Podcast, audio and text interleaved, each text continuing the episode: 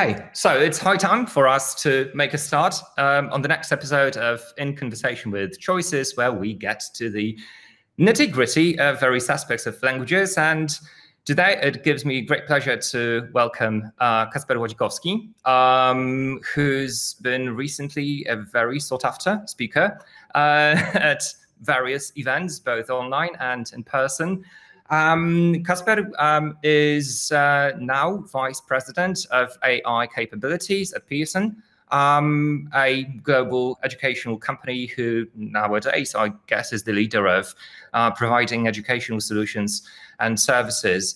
Um, Kacper is also um, uh, doing a fair share of academic work, and he's also a lecturer at um, uh, Adam Mickiewicz University in Poznań, where he delivers classes in AI to students of English language and linguistics. Um, so let me welcome you, Kacper, to this episode. Hey, Łukasz. Good to see you again, and thanks for having me. Yeah, absolutely. So, Kacper, let's um, start off with um, a bit of a hot potato question. Um, in the sense that um, we've been recently, I guess, witnessing a lot of scaremongering in terms of AI Gen AI in particular and its uh, impact on societies globally. Um, I, I, do think that you know we've experienced a lot of scaremongering uh, as part of um, various political debates. You know, immigrants coming, taking over jobs, doing nasty things to various um, uh, people, um, the LGBT community killing the traditional family model, etc., etc. Nowadays, it's the AI, right? So AI is killing jobs uh, is going to take uh, jobs from people, going to make them redundant.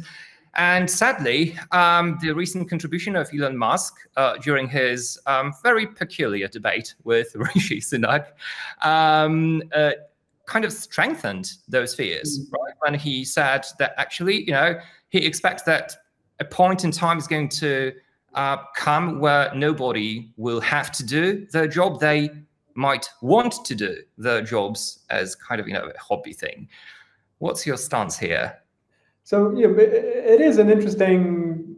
Um, it has been an interesting year because AI, you know, AI is not a new technology. It was that field emerged after the Second World War, and we can talk about some uses of AI in education, which date back to the 70s. Hmm. And, and but it is only now, you know, over the past year that the you know, people, AI really got into this the mainstream um, and, and into people's um, um, perceptions of, of you know, as, as a technology. So, uh, uh, uh, you know, the you mentioned the UK, you know, the UK summit hosted you know by um, uh, Prime Minister Sunak and, and the UK. I think that was a good first step just to get all the countries together, mm. agree on the risks and on the opportunities as well and try to at least outline path forward, even though there weren't actually any sort of practical commitments just yet. Like what, you know, the one thing that could go wrong is not you know is not that AI will go rogue in itself, but uh, the countries, uh, mm. or especially the biggest countries on the world, won't be able to um, collaborate on regulation, for example, or um, potential misuses of AI for, uh, let's say, you know, fake news or any other sort of more uh, you know more more uh, sort of, you know uh, dangerous uh, uses such as terrorism. Um, so you know knowing what I know about AI and stuff, you know I think you have yeah, I think you have a different perspective when you when you work on AI systems. It's still hard to even for us to to to make them work properly for the uh, good use cases. Um, I'm not really uh, yet, you know, um, I think it's too early to say or to, or to, or to, just you know, be that um, um, uh, anxious about the future. We certainly should start thinking about you know universal basic income. That that that you know that is a good topic, um, but certainly not killer robots or you know even AI taking people's jobs. There was a study from uh, 2016 um, um, which looked at which, which aimed to predict the impact of AI on jobs, impact of AI and robotics, because that's all, you know, these are two different technologies, but they often work in tandem. And they made some predictions on how that would impact um, the job market. And, and just this year, there was a paper released um, by, by um, using data from the US Bureau of Labor Statistics and looking back at the two past decades of AI robotics and it's pretty much had a net zero impact on the US job market because in some cases you uh, you know you, you had you had um, um, industries such as farming where certain types of tasks got automated mm. but then that actually you know if a farm produces more um, produce then that actually creates more jobs in let's say logistics and distribution and sales and so on and same, you know, that, that study looked at, for example, jobs in cleaning and like housekeeping. So, you know, despite Roombas, despite despite the proliferation of those types of automation, there, there, was actually, there were actually more jobs. There was an increase, increase of jobs over the past two decades in that particular industry. So overall, even if you look at, you know, at, at education and translation, for example, you know, there, there's more jobs for translators right now, um, um, based on that paper, for example, uh, than uh, two decades ago, and, and technology only actually contributed to that. Mm, right. That, that's that's super interesting. And yeah, you you've also mentioned um, an interesting aspect of introducing Gen AI on a global scale, that is regulators and how uh, the implementation of Gen AI is going to be uh, regulated both globally and locally. Can we say locally, perhaps? Uh, right. And, and and this is one one of the focal points that was brought up during Sunak's and uh, Musk's discussion. Um, and I think that both of them agreed that um, it's virtually impossible for regulating governmental regulators to mm. um, keep up with the innovation and with the uh, IT um, R&D um, people, right? Um, how do you see that issue in terms of um, getting you know Gen AI implemented in a safe, responsible, and ethical manner as possible?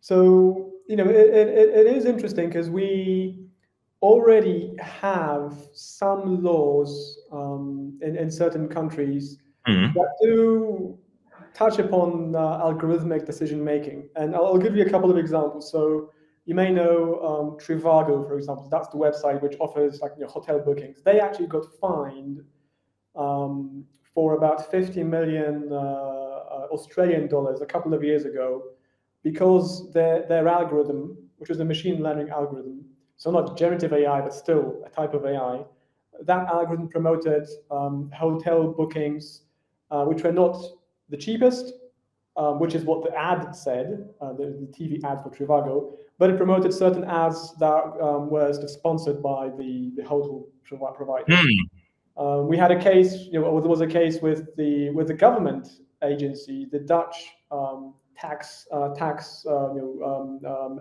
authority, which was fined uh, for about three million euros a couple of years ago because their model, um, which predicted whether someone maybe com- is committing fraud, it actually was biased towards certain certain um, um, um, sort of cases. Well, I think when someone had a, I think a dual citizenship, that person was kind mm. of hmm. flagged as as, as, as, as a fraudster. So we, we already have some laws such as the GDPR, because um, that the, the Dutch tax authority got fined because of the GDPR, which regulate what you should and shouldn't do when it comes to automated decision making. Because AI is pretty much that. It's it's it's automated decision making. It's taking a task from a human and, and just scaling it automatically. Mm. And what's going to happen right now, you have a, this sort of slew, um, this upcoming tidal wave of regulation, which is not really coordinated. So you have China, which is mm. leading on quite strict AI regulations where AI developers are liable for um, the data that is used for model training. They are liable if the model produces output uh, which is um, well uh, somehow um, you know, misleading or not really um, according to the you know, um, the, the governmental sort of uh, requirements. In the you know, uh, the UK is now trying to come up with with its own um, regulation, which is kind of possibly modeled, you know, uh, after what the EU. You know, that's that's the Brussels effect in action. So you know, the EU leads in some regulation, the UK, the US follows. You know, uh, we've got Brazil that actually outlined some regulation three years ago, I think, but then they, they didn't yet vote it into law. But that was, you know, they are looking to lead in South America. You know, Spain recently announced that they will set up their own, first in the EU, um, AI agency, which will actually employ subject matter experts to try and regulate and, and, and inspect models. So there's a lot of there's a lot of there's a lot of what happens. You can see that there's not yet, and that's I guess in coming back to this to, to the summit and the scaremongering. We, we should be cognizant of the opportunities and the risks, but I, I guess overall that summit was a good first step towards maybe trying to at least agree on uh, some sort of interoperability between the frameworks. Because right now, you know, President Biden in the US announced his executive order, which uh, will um, you know treated as a AI as, a, as as as types of technologies. Whereas mm-hmm. in the EU, the approach is different. The EU looks at AI when it comes to use cases. So uh, we can have a use case where AI is allowed, um, such as in video games, and that doesn't really matter what the type of AI is, but we have use cases of, which are classified as higher risk, and that's mm. education, for example. Education is out of the four categories, it's, it's category number three, so it's allowed, but it's like high risk, so you have to go through a lot of administrative hoops mm-hmm. uh, if, if the law actually goes into effect. Um, um, so it doesn't really matter what type of AI you use, but if you use it for education, then you have to go through a lot. Of, so then you have like these already two, a couple of different approaches. Um, yeah, and then you know it's, all needed. And you know it's been a wild west uh, for, for for the past uh, year or so. We it's like building you know building a highway and building cars without really providing the road code. And, mm. what we're doing now is kind of providing the road codes that we can uh, at least make make the uh, development and implementation of those systems more predictable for the people. That, that's a great metaphor you've used here. right, absolutely. Right. Speaking of education, uh, but with a sort of you know a particular twist in it, uh, would you say that, that this you know this angst that people fear towards uh, that people feel sorry towards uh, Gen AI is caused by the lack of education, uh, and you know lack of kind of AI literacy and uh, because you know uh, let's face it since november uh, 30th 2022 you know the, the, the, ai has been mushrooming everywhere you know so it's it's mm. very impossible to live a regular life and not come into contact ai whether we're aware of it or not. Um, so w- would you say that more educational campaigns awareness campaigns uh, would uh, benefit the you know the great society you're making a good point here. You know, people use AI more than they think, um, and, and and the bar for what AI is that keeps increasing. You know, the GPS, you know, that people use in their cars. And back, remember back in the day before Google Maps, before the phones, people some people would buy like the physical boxes, like the hardware box. They would put it in the car, and they would. Uh, upload a map from a from a pen drive. You know, GPS is an automated decision making system based on the signal you, you, you deliver to the satellite that gives you something back and that tries to guide you and if you make the wrong turn, it tries to redirect you. That uh, you could call that an example of AI.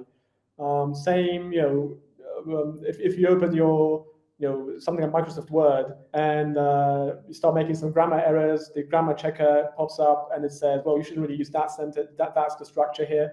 That is an example of a very simple AI model. Mm. Grammar is an example of an AI model. Um, so you know, Alexa, Siri, the things that people use nowadays very frequently without even thinking, these are these, these are all examples of AI. It's just that now with generative AI, when they, those systems now can talk back to you and they can uh, conduct some tasks that people that, that, that people usually conducted in language, so writing stuff, summarizing stuff, mm. and so on, writing rap songs or writing poems. Um, this is now people kind of feel okay. This is a, a more this is an agent that, that has you know uh, some agency as to how it behaves um, and, and, and you know, people certainly need to be educated about what this is, what the limitations of this technology are, what it can be used for. Because for the most part, uh, I think it's going to help people, just like with, with any other technology that can be used for good or for bad. The difference here with you know, with generative AI is that, as opposed to the, the prior waves of AI, which mainly automated physical work, AI and automation and robotics, you know, and, and, and maybe impacted, you know, or was noticeable in, in sort of blue collar tasks. we mentioned farming, for example, or you know, manufacturing. You know, this is this is now we're now facing AI technologies that can that, that conduct white collar tasks. Mm. Um, so you know, they can you know they can write stuff for you. They can write a report for you. They can write an essay. And we and this is now where we have those discussions um, along the lines of, okay, sh- should I, as a teacher, uh, still ask my students to write up essays if, if I know they will use a, model to do that? Like, what is the role of the human, uh, and how, how, how the role of the human in the economy changes from a, a writer towards an editor of, of what the AI wrote. So I think that's you know that's certainly something where governmental and and, and non-profit and, and, and even commercial companies sh- should educate um, the, the, society or their consumers because that will only benefit uh, them. Mm, mm. Cheers for that. You, have actually addressed one of one of the questions uh, that that I jotted down uh, preparing myself for our conversation here. And these were questions related to your recent participation in the CASI, uh, right, conference yeah. In China, right? So um, uh, that, that's, I guess, um, you know, developing AI versus regulations. Uh, but there's also a super interesting point that you made in one of your LinkedIn posts, which is related to uh, actionability and reliability and the implementation of Gen AI um, on a larger scale in um, in the business environment. You've already mentioned, you know, white collar workers um, um, uh, being well, kind of the, the, work of these people being automated to a hmm. certain extent. Um, but what what is uh, what is you know the, the insight here in terms of global corporations um, employing AI um, in the work stream?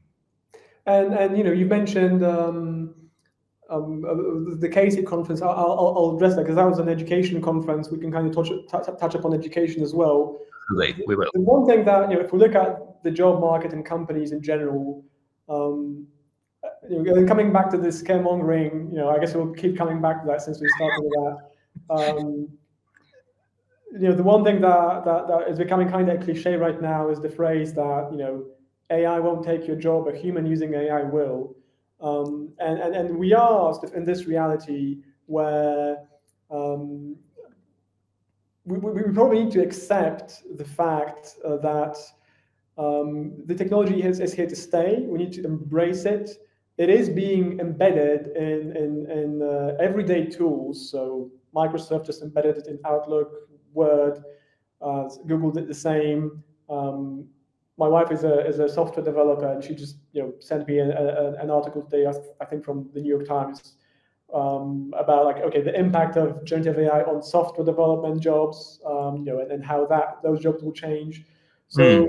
certainly for for for, you know, for for for companies and, and for knowledge workers in general, um, we, we are seeing this shift towards first draft automation, which is you know AI is used to do the work like bootstrap the work and then you kind of take over. You don't start from scratch. You take over from the AI, and mm. this hmm. will, you know, this works reasonably well for press releases, for job descriptions, for HR roles, for programming jobs, uh, and it certainly won't take people's jobs because we need to think about tasks rather than jobs.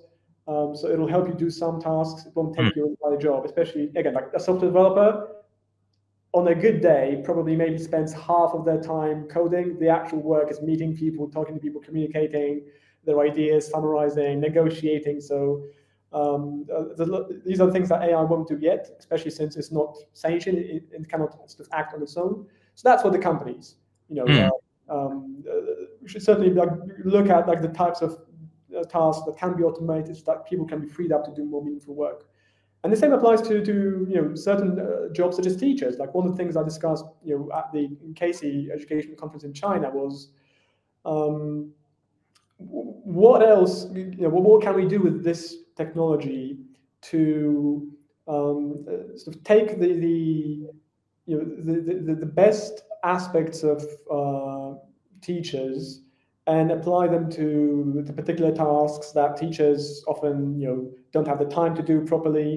You know, I'll give you one example. So, so if we look at uh, the education in general, like at the at the center of education lies assessment. So, so the the, the ability of you as a teacher to make claims about what the to diagnose them, make claims about what they know and what they don't know, and and there are you know three uh, foundations of uh, of assessment. It's validity, so whether you measure what you're supposed to measure, uh, fairness, so whether you're not, not biased against any particular group of learners, and then reliability, so whether you you can you, you conduct the assessment reliably over numerous occasions.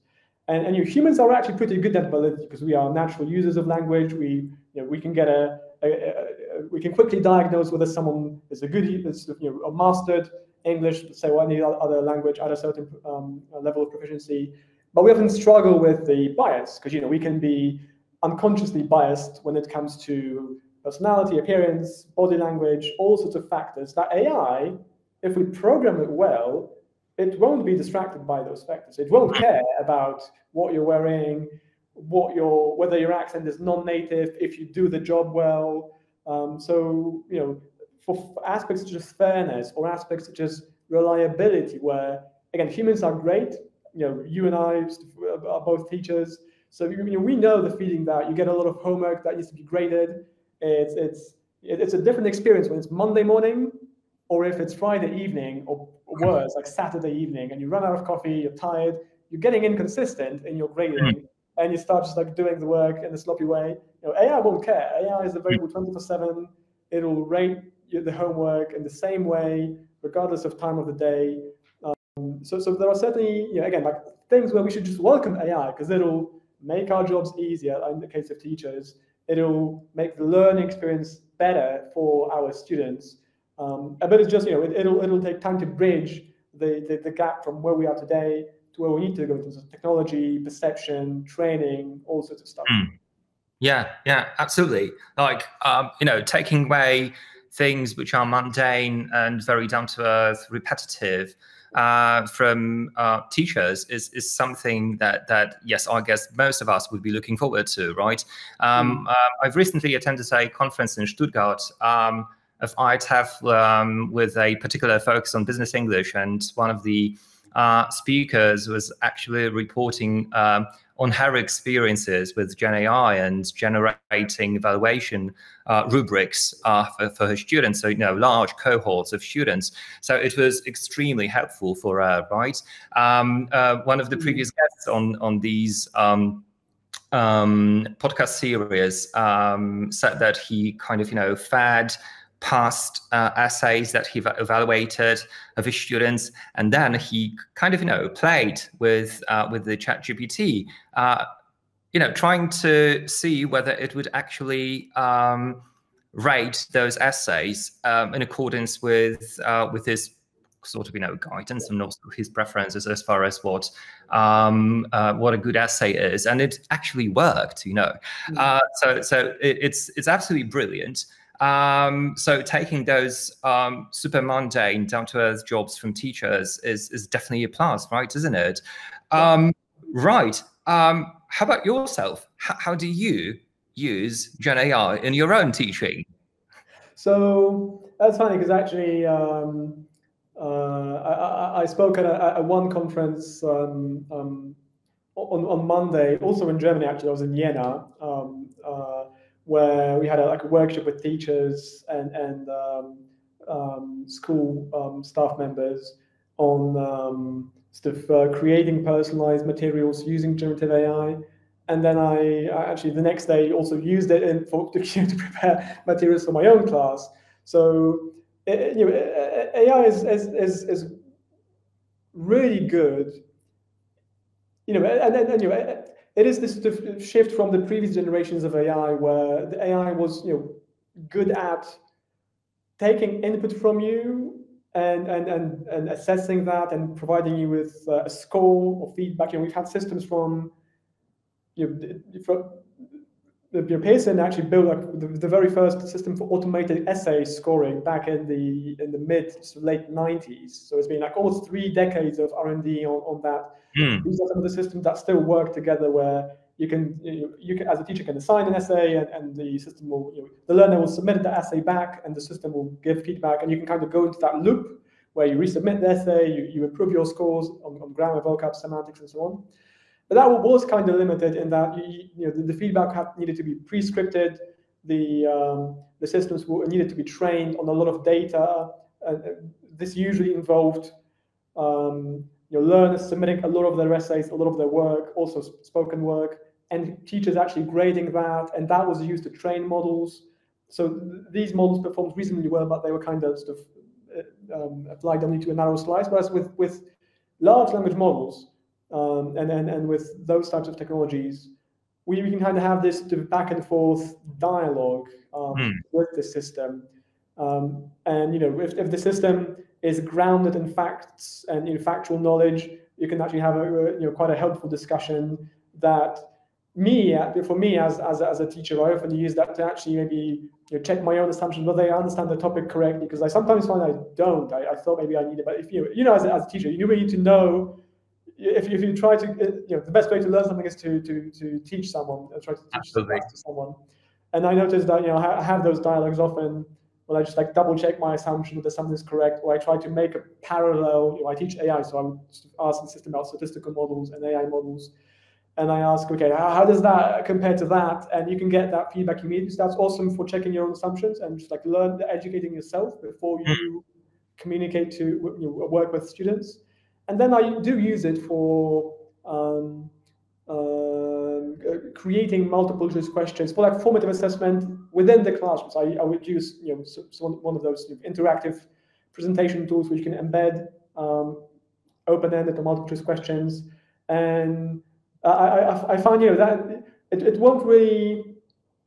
It, it's okay. You know, I, I use that. I use LLMs for generating ideas for questions. I often need to pick the best questions and kind of fine tune them. But then for coming up with answers or distractors or funny distractors, this is where these tools shine. Yeah. And, yeah. and they really help me uh, just, just prepare material which is personalized for, for the for the class um, mm. faster. So I, I, pretty much use those tools pretty much every day. Mm. I'm not going back. Yeah, yeah. there's no going back, as you're saying. Yeah. Uh, uh, would you say that you're, um, you kind of feel this nostalgia towards not having to be that creative and productive? Is there sentiment there? uh, yeah, it is an interesting question. I, you know, as of today, I don't think uh, the AI takes away. You know, yeah, I, still need to be quite creative in, in how I use the tool, and, and I noticed that with, with some other teachers, you know, um, as part of the work, like I, I, I met some really awesome teachers in Germany on Monday who use AI in ways I didn't even thought are, are possible. You know, they create their own sort of custom prompts that they then hand over to the learners so that the so that the system LLM, such as ChatGPT or any other free tool, uh, you know, uh, plays a certain role. Um, you know, um, uh, like an angry customer you have to you know uh, negotiate with, or another student where then it's not an interaction. We, then treat the AI as, as, as the teacher or the tutor. We treat the AI as another student. So you can have a student-to-student discussion and actually the, the, the, human the human student becomes the teacher of AI, which is pretending to be a student. So something completely you know um, mm. innovative, and, and and it's easy to to, to create those um, types of interactive, formative assessment experiences. But you really need to use your creativity. You need to be properly trained. Um, so, so on, on its own, the, the AI system won't really do anything. It'll if you don't really think about what you want to do and if you don't ground it in learning science or you know learning design then it'll do something but that will not necessarily produce good results mm. so yeah th- thanks for that and i guess we are kind of inevitably smoothly sailing towards the next question which is ai literacy and this is what you do yeah this is kind of your, your contribution to um, educating your students who uh, who are in the English language and uh, linguistics program, right?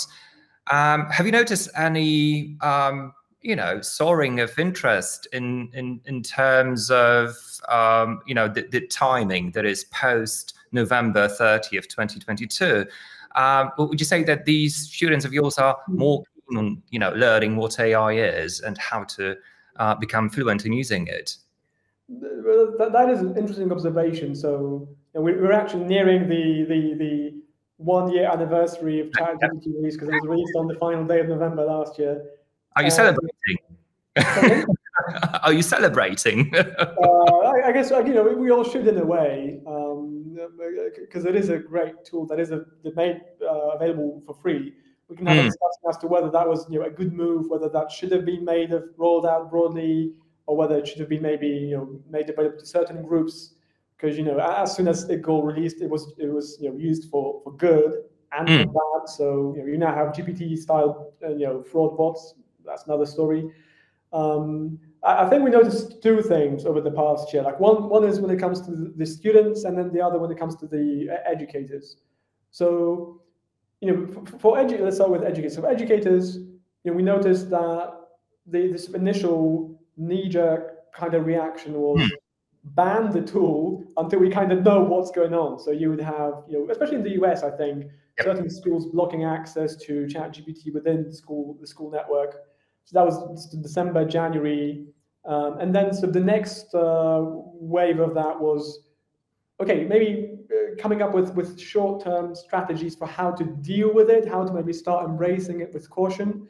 So, um, you know, um, Pearson helped prepare such guidance uh, for the UK um, Association of um, um, Joint, uh, it's, it's, the Joint um, uh, Council for Qualifications, like a body uh, for Association for Assessment in the UK, uh, which we are a part of, and we like, help create those guidelines to sort of educate um, um, assessors and teachers on okay, like how to start implementing those tools in the class, how to actually educate the learners as well and the, and the uh, test takers on what's ethical use and what compliant use, versus maybe what is a misuse hmm. of this technology and how to maybe spot misuse.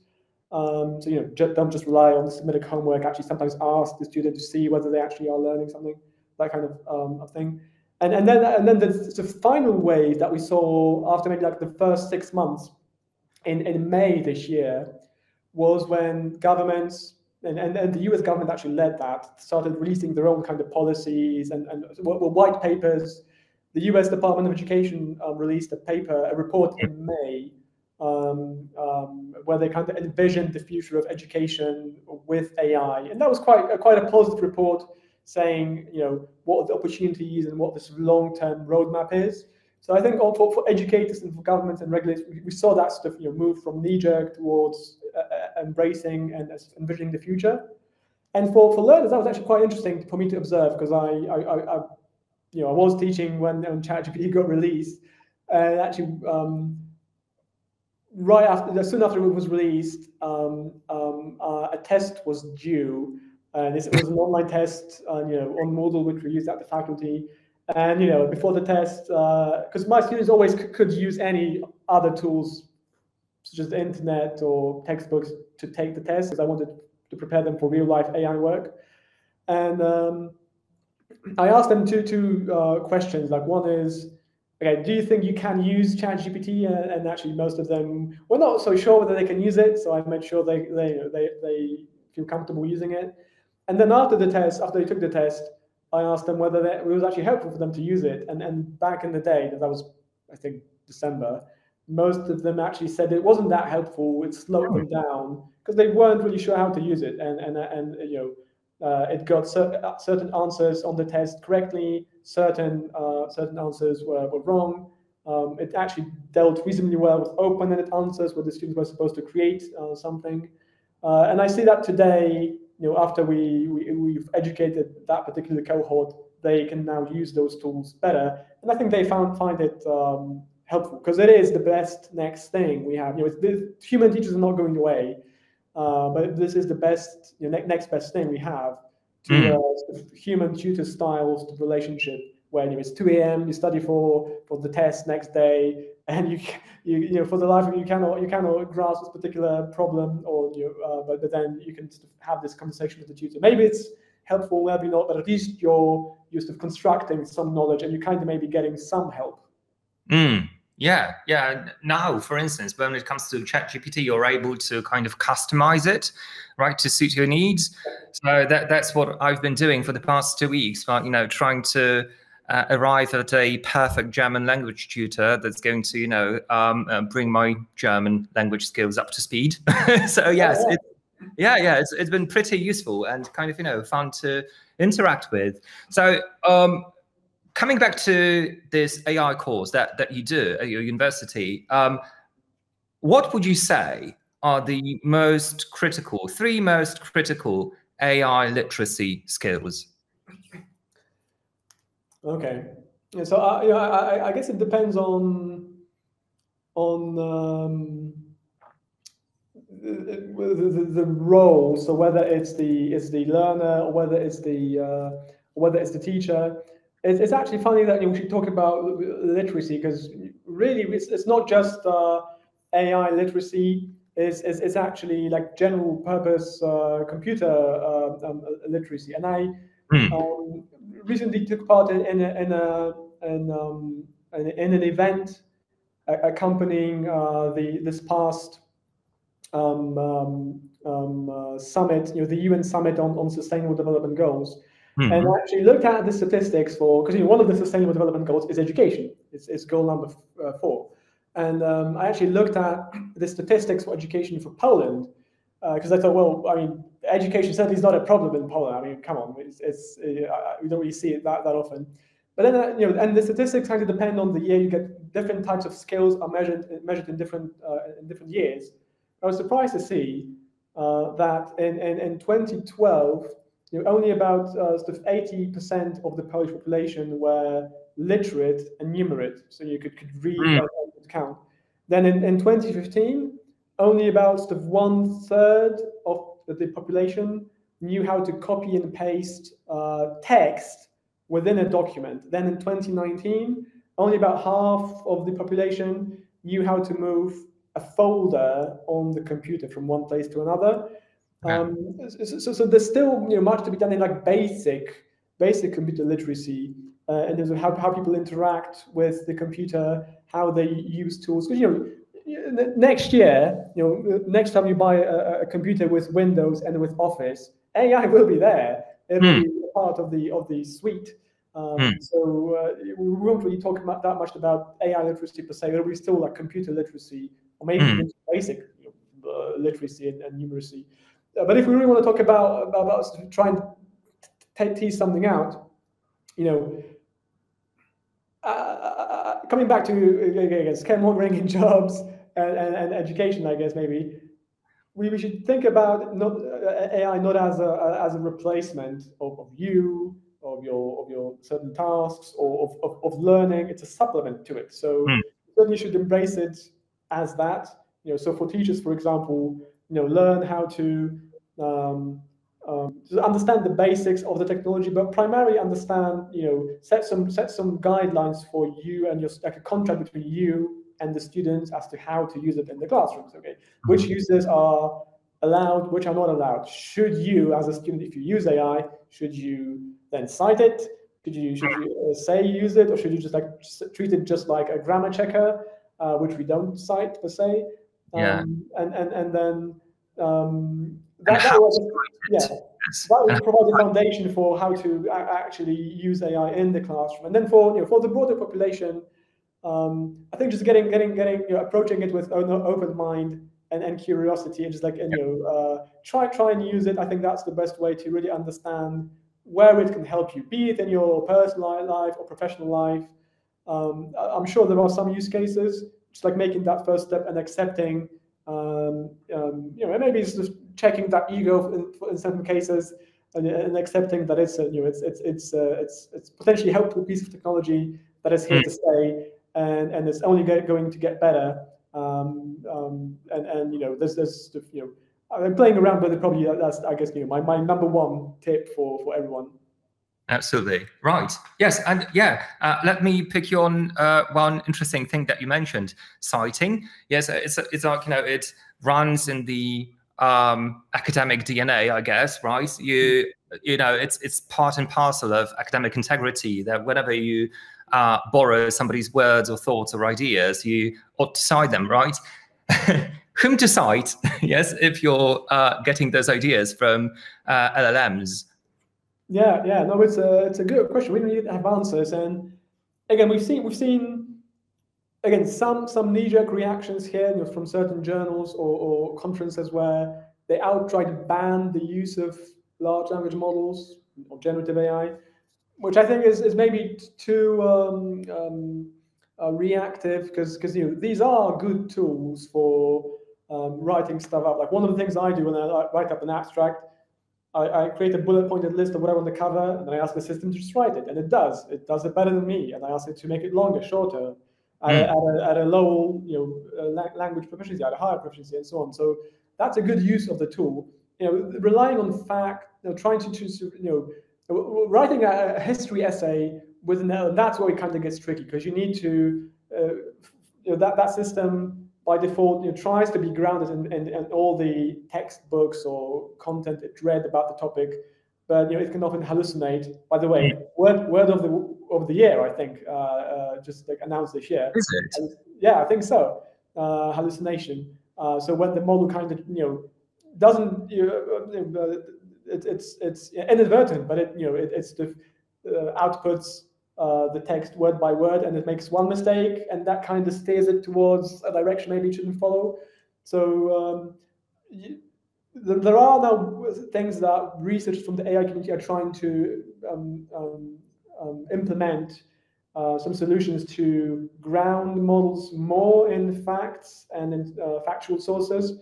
But that's uh, like one case where um, you know I, I wouldn't really you know you, probably would need to, to, to, to, cite ChatGPT in that particular case, saying, okay, I guess I couldn't go to the library. Then, you know, I don't know, the Wikipedia was uh, offline. I didn't have any books because uh, I burned them for fuel, and I used ChatGPT to just like help me write a history essay, and and and ChatGPT claims these are the facts. So and mm. I cite it. But any other use case, I wouldn't really cite it. Uh, but again, I, am open to you know we need some guidance, um, not only for writing, but I'll give you another example mm. reviewing papers. So I'm still an active academic reviewer, and I do use LLMs for helping me review, peer review someone's work. So I first read the work and I annotate it, and then I feed the text into the model. And uh, well, usually the model is far more optimistic than me about the text, so far more positive and, and encouraging. But sometimes it does catch things that I don't. So there's on page three, the authors said something like they said the sample, you know, the number of people in the study is 42. Then in the table 10 pages later, they say it's actually 59. And I didn't caught that, but the model did. Um, mm. so that's why that's another use case for uh, we need we need those machines to try and sort of supplement the things that humans are not that good at.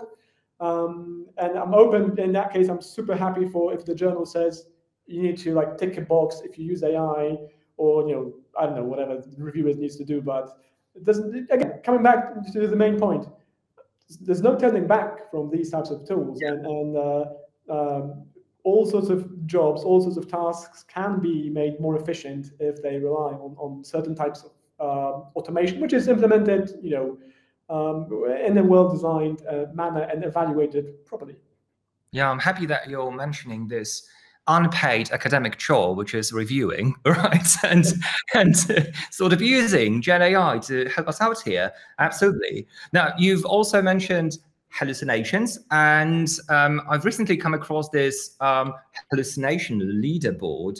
Uh, which basically says that um, LLMs can hallucinate anything between 27.2%, uh, that's Google PaLM 2, um, down to 3%, and mm-hmm. that's uh, GPT-4. Um, one thing that, you know, when I think about hallucinations using LLMs um, in higher ed or be it any other um, level of um, education is critical thinking and developing mm. the critical thinking skills, um, especially uh, with regard to hallucinations. Um, would you say it's a justified use of LLMs here? So, so you know, uh, well, let's let's just touch upon the hallucinations. I mean, uh, now there was an interesting paper which I encourage the, the listeners of viewers to, to to have a look at, um, written by um, mostly by researchers from the Stanford Institute for Human-Centered AI. So Stanford HAI, They, they, they call the lab Age AI. Mm. Um, and and, and the, the paper was uh, it was a transparency index of LLMs. It was released very recently, and and, and you know, that paper is quite technical, but it has a, has a nice table in, in, in one of the pages where the review the review you know the authors propose a framework for evaluating models. Well, actually, starting with model development, what data was used to train the model, what the process was for training the model, evaluating the model, providing um, support for model, and then they looked at like some of the leading models, and actually um, the, the results were you know sort of quite quite pessimistic in terms of you know the, the quality of some of the models and, and the sort of level of I guess attention um, that is paid to developing um, um, those models by some of the big tech companies.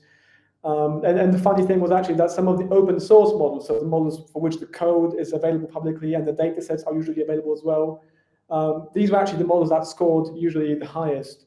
Mm-hmm. So Bloom, uh, there's a language model called Bloom. It's probably less known for for you know for, for your listeners because uh, it's not you know um, it, it's of good quality, but it's not in the mainstream because it's one of those open source models. You have to kind of go install it, uh, but it's one of those models where um, I, I, guess in general it's it, it's easier for everyone to see and try to maybe understand why the model behaves a certain way because it is open compared to some of the you know um, models um, such as GPT or ChatGPT, which is totally untransparent and, and mm. black box. We don't really know what data was trained on. We don't really know how it was trained. We don't know the architecture.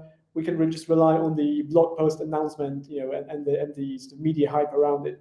So um, and then you know, I sort of started by by sort of answering your question, starting sort of you know from by the by the foundation. Um, but but you know hallucination and, and, and you know the these uh, the the things we can do about it that you know coming back to regulation and, and the UK summit you know what one good thing that came out of that summit is is, is this agreement that we need to set up an agency that, that will try to um, lead uh, in the development of next generation AI, maybe in, in a way that is more I wouldn't like to say regulated, but you know, in a way, uh, at least coordinated, mm. in, in, that we need to meet certain criteria for model development, so that people can actually understand better how those models perform. So we have, so we have some sort of thresholds, some benchmarks for model model quality, uh, as opposed to what happened now, which is you know released a technology which, which is quite experimental, you know, into the wild, and uh, people used it um, and, and and misused it, like in those sort of, you know cases we, we, we heard in the media where you know, a lawyer would use ChatGPT to write up a, a defense and the model hallucinated some use cases. And the lawyer said, well, I didn't know that, the, that those models can make up facts and, and you know, someone lost the case. So um, yeah, I guess we're, we're all learning and, and starting to sort of grasp the opportunities and risks. Absolutely. So, how are you learning and grasping those opportunities when it comes to your specialization? That that is, you know, um, blending Gen AI and language learning, because this is what you've been doing for over a decade now, right? Yeah. Um, so, how how has this landscape changed over the years, and how do you think it's going to evolve um, in the I wouldn't dare to say years to come, but months to come. well, well, you know, one of the things that that I always um, remind people is is you know AI in education is not new. Mm. You know, AI has been used successfully in education since the 70s. There were some of the very early systems were actually not that different from what ChatGPT is today. They they also employed a, a text-based interface where you could have a dialogue with the system, but the the world knowledge, the domain knowledge of the system, that was limited to um, rules written by a human. Um, whereas today, what we have today is you have a, a, neural network which you know reads all the possible uh, books and, and, and, all the possible Wikipedia pages, and it, and it creates their own creates its own um, um knowledge model, which presents us with different opportunities. So you know, a lot of the one thing that, that is certainly changing right now when it comes to AI education, which we are sort of you know um, monitoring closely, is is where to apply these technologies, or in which particular areas it makes sense to apply those technologies. Because again, for, for most of my career in, in education and, and in AI, those AI systems were developed with, with a human in the loop in the sense that if you want to develop a system for automated essay assessment, let's say, for, for, for it to give uh, feedback on your writing, you would first, you know, um, collect some um, data from the learners, some essays, humans would score it, and those, you know, those annotations um, mm. that, the humans made on essays, that would be used for training the model so that the model, the next time it sees an essay, you know, a foreign against essay on, on any topic that we usually assign it in, in an English language learning class, next time it sees an essay, it would pretty much agree with uh, the human in 97% of cases in terms of how it's called. So, so the, the agreement between the machine and the human is, is, is, is higher than the agreement, agreement between two humans. And as you know, sometimes mm-hmm. humans can have you know different uh, opinions about whether an essay is, is a four or, or a five. And what changed with generative AI is that you know, these models, like we said, they are trained without human supervision. So they go to the library, they read all the possible uh, books and Wikipedia articles, and they come up with uh, some, some capabilities, and, and they can perform all sorts of tasks reasonably well. But then, you know, out of the box, th those models cannot be reliably used for all the possible use cases. And you mentioned you're, you're building a tutor for, for German you know, one thing that I'm doing right now uh, in my academic career is we're building, we built and deployed uh, actually this week um, a, a, tutor for um, advanced learners of English at an academic level for English phonetics and phonology, where mm-hmm. it's still very difficult for us to try and steer the model into behaving how we want it to behave. So mimicking uh, you know, your academic instructor in terms of sticking to facts, sticking to certain rules of uh, you know transcribing speech into text. Uh, that model still hallucinates, even though we grounded it in, tech, in, in, academic textbooks. So that kind of you know a critical evaluation of where to uh, apply this technology, mm-hmm. and, and and then uh, piloting and validation. That's something that needs to happen. You know, and, and again, the best way is just to stay on top of what I do is, is stay on top of you know uh, of, of, of, research, you know, reading papers every day about you know, AI development, about applying an AI education, I can you know, recommend hotly um, um, Ethan Mollick, uh, who is, uh, I think, one of the best people to follow when it comes to um, what you as the teacher can uh, and as a student can do with large language models such as mm. ChatGPT. Um, so again, you know, you, I guess you need to uh, approach this all with an open mind and, and you know, not to just try and be balanced, not to go either too far into, into the scaremongering and just like denial of technology, but also don't really be too optimistic because I'm, I'm sure you noticed as well with your German tutor, um, it's, it's, it's not totally reliable. And there are some use cases, maybe it's a form, formative assessment, remediation, maybe practice, low stakes, where it's probably fine yeah. especially if you if you train your learners in using that. Whereas you, you, we certainly wouldn't use that for summative high stakes assessment where that model needs to be reliable. Definitely, definitely. So you've already mentioned your contribution to um, uh, your Gen AI contribution to teaching at um, the higher ed level. How about the products and services that you developed within um, your role um, at Pearson? So, what would you consider are the you know the, the sort of the milestones in terms of producing various uh, well coming up with different educational products and services? And, and and actually, let me give you three examples of what we're doing right now, and and and, and sort of tying it back to generative AI as the sort of catalyst for change and how we approach education, mm. how we approach building educational products. So I think I think the biggest opportunity that, that generative AI presents is for formative assessment, so instruction, remediation, stretch.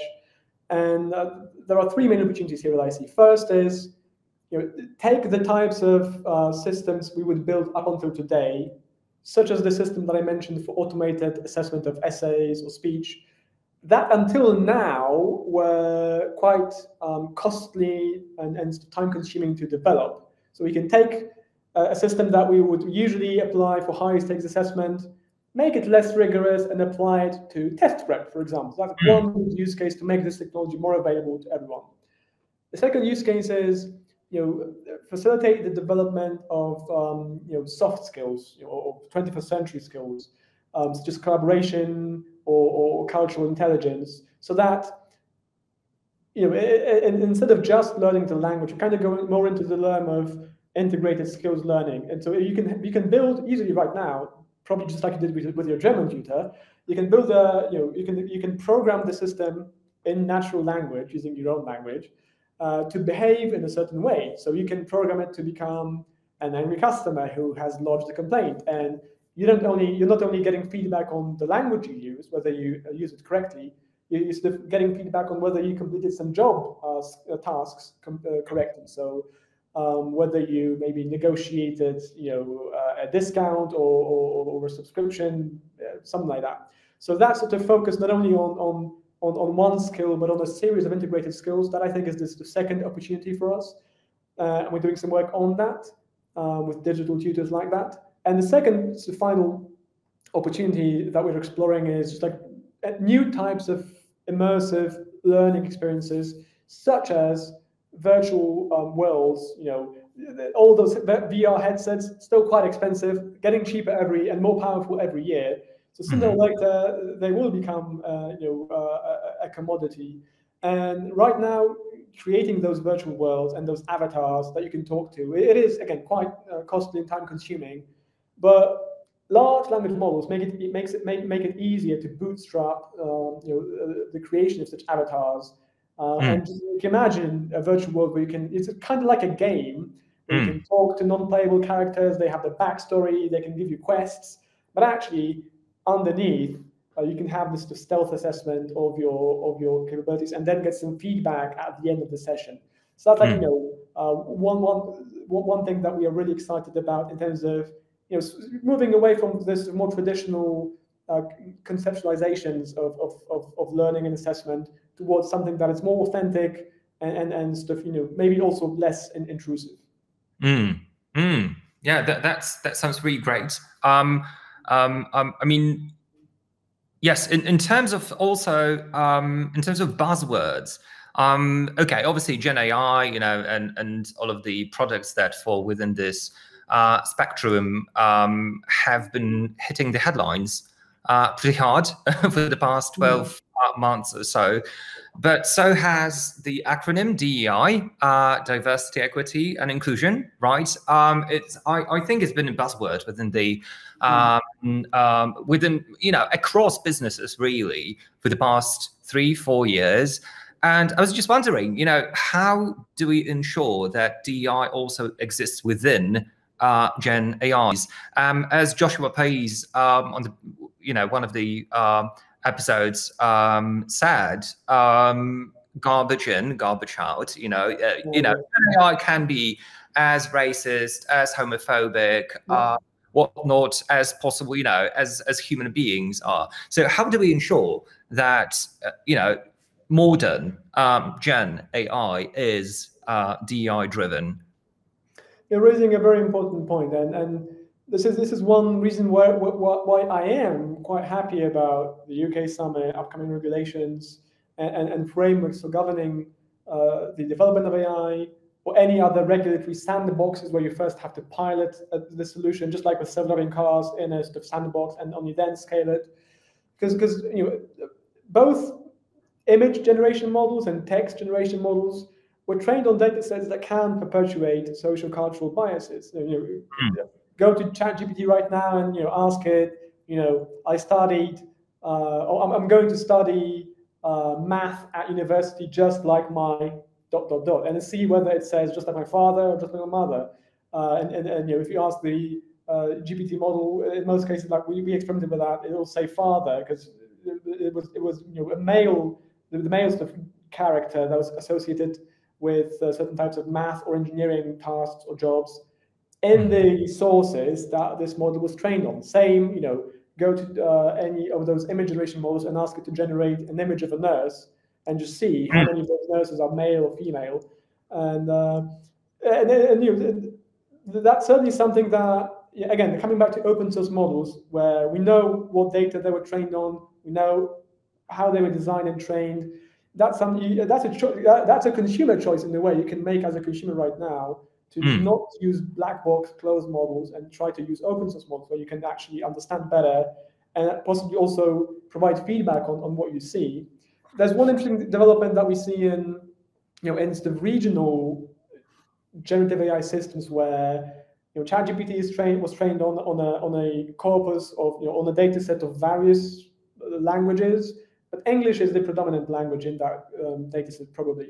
Whereas you now have um, the United Arab Emirates released their own model recently called JAIS, which uh, was trained not only on English texts but also on Arabic texts, and uh, people from uh, from that background who in, in, interact with that model already um, uh, report uh, that the model just understands them better. It's not about language; it's about this sort of you know social cultural um, um, uh, lens through which the, the model is, is perceiving the world because it was trained on on on on, on the particular text. Same with China. Baidu just released their own LLM recently, which was trained on Chinese text as well. And you know, um, so so again, it's like one of those. Um, it's a balance because we can go now you know, and, and have every possible country train their own model, and those models will, you know, perpetuate these, these you know, regional biases. Uh, on the other hand, you know, we can we can try and uh, steer the behavior as model, but then you kind of go into okay, like at what point at which point this becomes censorship and kind of influencing, you know, censoring history and certain types of text. So it's not not uh, trivial. Mm. We can also, sort of, you know, we, we can return to the same guidance I guess we gave, which is you know always approach it critically and evaluate it before you uh, apply. At least that's one thing that you and I can do as, as users of those models, and especially as teachers who then maybe ask our students to to use those models, educate the students about the risks, and, and just you know uh, try to to steer them towards the best possible use. Yeah, yeah, absolutely. And yeah, yet another time critical thinking emerges here, right? And sort of critical mm. evaluation. Uh, so well, I, I, would say one of the top skills. Also, um, uh, Pearson, I think, uh, has produced, has recently produced a report saying that, um, um, okay, yes, Gen AI is is super important, but uh, you know, the the superpowers still uh, remain within the human being, right? So, to, you know, and one of those superpowers is definitely communication, collaboration. Um, how, how, do you see that uh, being impacted by um, the developments in Gen AI to come? Yeah, so uh, I think one of the uh, we recently uh, released uh, uh, a report where it was the, the, the skills outlook report focusing mm. on the skills that matter that that's if uh, companies and employers are after today. And we sort of made an estimate for the top skills in, in 2030, uh, in 2030, so in, in seven years. And, and, and you know, the, the employers, you know, are, are after um, uh, soft skills for the most part. So we call them future skills in that report. You call, make, call them 21st century skills or power skills and soft skills. Um, and um, th this is really something that um, technology can help us uh, develop, um, evaluate, and, and, and, and in general sort of supercharge uh, um, um uh, humans across all sorts of, um, of tasks. You know, coming back to example we gave before, like a software developer is still, you know, still needs to be a good communicator, still needs to be able to negotiate. Um, uh, so, so, so these skills um, um, um, don't go away and, and, and really won't go away. And then it's a matter of, you know, for, for, for us as, as Pearson, as, as, as, as a company that develops AI models that help diagnose those skills or help develop those skills. And coming back to your previous question about bias, like we, we are, we have a team here, about 30 people who you know, every day, you know, I get, I get some sort of new report on, on how we try to break a model or how, how we try to improve it or tested for uh, um, um, racial bias or gender bias or just reliability or fairness against certain backgrounds. So um, again, coming back to, to the main, I guess, topic of this conversation, um, AI is just like a technology can be used for good and for bad. Um, yeah. I'm quite optimistic always, as you know. And, mm. and, I think that the more people you educate, I think you, you and I share the same sentiment that we just need to educate people as much as possible about what we can do with it, how to approach it, um, and uh, uh, hopefully uh, it'll serve us all and, and not rebel and uh, you know take over the world. Absolutely right. But would you agree with the conclusion that you know?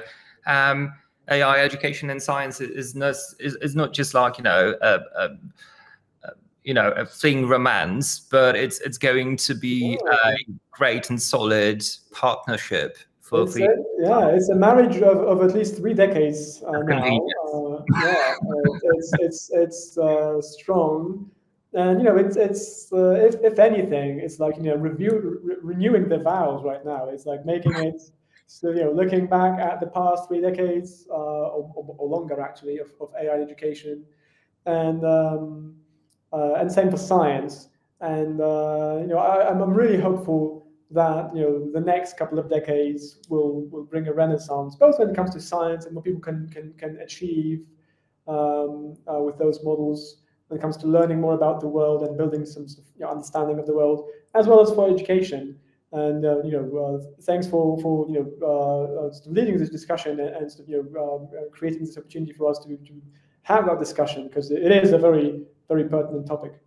My pleasure. And yes, I, I did you know, how, how I do have this hope that it's going to be a very, very modest, but yet a contribution to, um, you know, educating people on Gen AI. Before we finish, though, uh, Kacper, could you recommend uh, a few resources, perhaps textbooks? Now, should uh, some of our listeners uh, want to acquaint themselves with AI and state of the art, are there any particular resources that so, you recommend? The, thanks for asking. Um, so, so Pearson um, um, we published uh, an AI um, summer reading list a couple of months ago. If you look that up, we can provide the link in the comments probably uh, later. There was a series of it's a series of books um, we released on the topic. You know, Pearson actually is is is, is uh, has been publishing for the past I think two decades the best-selling AI textbook, which we use for technical studies. I use it with my students. We won't recommend that here, uh, but we also uh, publish some, some, sort of lighter entry-level texts. So um, have a look at that list. And there's one book in there um, called um, I think uh, GPT. It's about GPT-4 in medicine. Mm. it, it is it is domain specific when it comes to medicine, but it does provide a very uh, um, entry level, uh, beginner friendly overview of how, how to actually start to think about those types of models how are they sentient? Like, do they? Can we say they exhibit human-like reasoning? Doesn't mm. matter whether they exhibit human-like reasoning. So those types of questions are sort of answered there on sort of examples of medical diagnosis, and which I think many people will relate to, even though if they're not um, you know, um, specialists in the field. And then I mentioned uh, the, the you know Ethan Mollick here before. Mm. Um, who is a, is a, is a researcher, is a professor at Wharton School of Business, I think, uh, who publishes quite a lot recently, um, published um, materials that teachers and learners will find helpful uh, as to what you, as a single individual, can do with some of the freely available um, generative AI tools to bootstrap your learning um, and teaching. Ah, brilliant. Thanks a lot for that. I'm definitely going to be reaching out to you to, to get those titles uh, in the description of the episode.